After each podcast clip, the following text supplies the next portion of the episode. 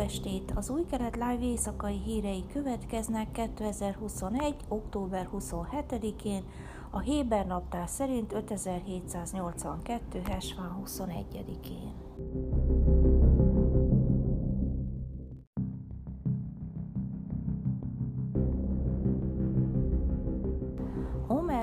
Lev közbiztonsági miniszter kedden aláírt egy kelet-jeruzsálemi kulturális fesztivált betiltó rendeletet, azt állítva, hogy az esemény közvetlenül a palesztin hatósághoz kapcsolódik.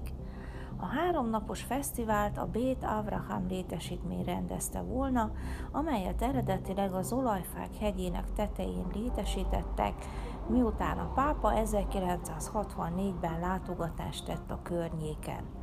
A rendőrség azonban hétfőn kivonult a helyszínre, hogy tájékoztassa a menedzsert a betiltó végzésről.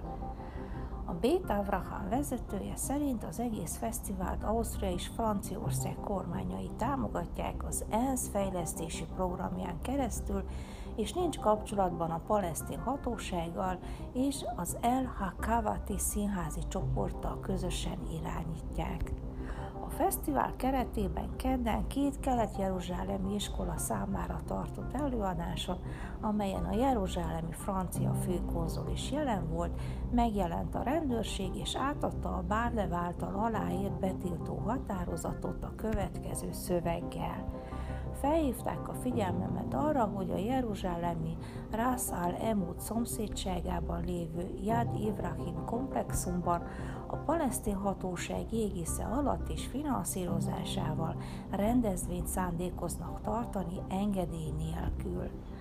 Bárlev az oszlói egyezményből származó törvényt alkalmazta, amely minden tevékenységtől eltiltja a palesztin hatóságot Jeruzsálemben.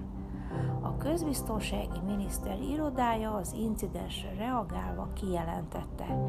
Megalapozott információ van arról, hogy kapcsolat van a palesztin hatóság és a fesztivál között.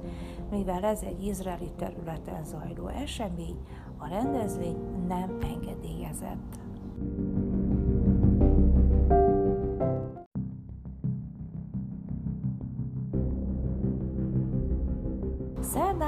Elbukott a Knessetben az a törvényjavaslat, amely felszólítja Izraelt az 1956-os Kafr Kassim mészállás hivatalos elismerésére, mely során 48 arabot öltek meg az izraeli hadsereg erői. A parlamentben zajló parázs vitán a törvényjavaslatot elsőprő többséggel buktatták meg, 93-an szavaztak ellene, 12 képviselő pedig igennel. A javaslatot az ellenzékben ülő többnyire arab törvényhozók alkotta közös lista három képviselője terjesztette elő. Egyikük felszólította a kormányt, hogy a mészállás elismerése mellett aktívan építse be a történteket az iskolai tantervbe és szüntesse meg az ezzel kapcsolatos dokumentumok titkosítását baloldali Menecpártból Esavi Frejcs regionális együttműködési miniszter, aki a közösségből származik, és családját vesztette a mészállásban, azt mondta, hogy az eset emléke egész életében végig kíséri. Ezután a törvényjavaslat előterjesztése kapcsán azonban megjegyezte, hogy kudarcra van ítélve, és inkább az Oktatási Bizottság elé kellett volna vinni azt. A mészállás áldozatai arab állampolgárok voltak, akiket az izraeli védelmi erők és a határrendészet katonái agyon lőttek, mert megsértettek egy kiárási tilalmat, amelyről valószínűleg többségük nem tudott hadsereg 11 katonát állított bíróság elé a gyilkosságokért, és 1958. októberében közülük 8-at bűnösnek talált és börtönbüntetésre ítélt. 1959. novemberére azonban mind a 8 vádott szabadlábra került, miután Yitzhak Ben elnök elengedte büntetésüket.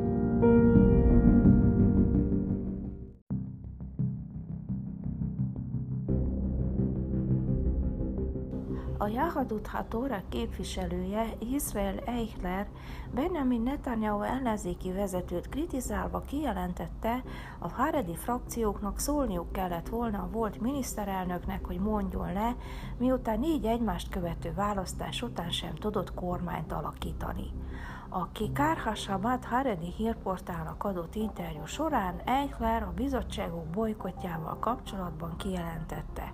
Én voltam az első és nem az egyetlen, aki ellenezte a bizottságok bolykotját, és nem különben a legfelsőbb bírósághoz való kérelem benyújtása ellen. A Jahadut Hatora frakciója egyetértett velem abban, hogy ez nem lesz jó, de azt gondolták, ismét kötődniük kell a Likudhoz, a Levinhez és Netanyahuhoz. Én azt mondtam, mi egy olyan közvéleményt képviselünk, amelynek nincs más lehetősége, csak ha benne vagyunk a bizottságokban. Akkor azt mondták nekem, csak egy hónapig kell várni, és megbukik a kormány. Nem vagyok gyerek. Amint rájöttem, hogy az arabok azt mondják, ellenezzük a kormányt, de inkább egy jobb oldali felé hajlunk, megértettem, hogy Bennettnek 67 támogatója lehet, és akkor mi értelme hónapról hónapra ülni és várni. Ami a Netanyahu-val való kapcsolatot illeti, Eichler a következőket mondta. Négyszer adtuk fel a Jahadot Hatora jövőjét Netanyahu illúziói alatt. Folyamatosan becsapott minket, sőt magát is azzal, hogy bármelyik pillanatban nyerni fog ami egymást követően négyszer sem következett be. Még egy olyan nagy ember is, mint Churchill a második világháborúban aratott nagy győzelem után a pártjában kirobbant belső háború miatt elvesztette a hatalmat, ezért hazament.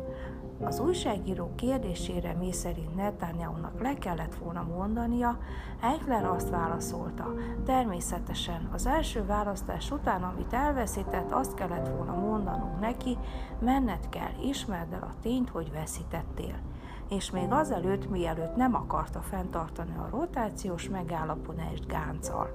Azt kellett volna mondanunk neki, hogy nem játszhatsz az állammal, és azzal, hogy nem fogadod el a költségvetést, hogy ne kelljen fenntartani a rotációt. Aláírtál egy rotációs megállapodást, akkor tartsd be, tette hozzá Eichler.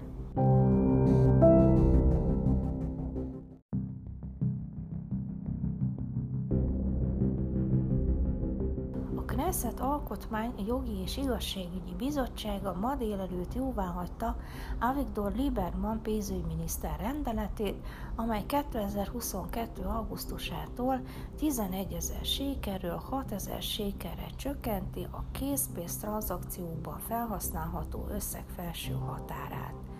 A magánszemélyek közötti készpénzes ügyletek az 50 ezer sékel felső határ helyett 15 ezer sékelre változnak, kivéve a használt autók eladását, ahol az összeg határa változatlanul 50 ezer sékel marad. A rendelet megsértése esetén 6 ezertől 50 ezer sékelig terjedő közigazgatási bírságot szabhatnak ki.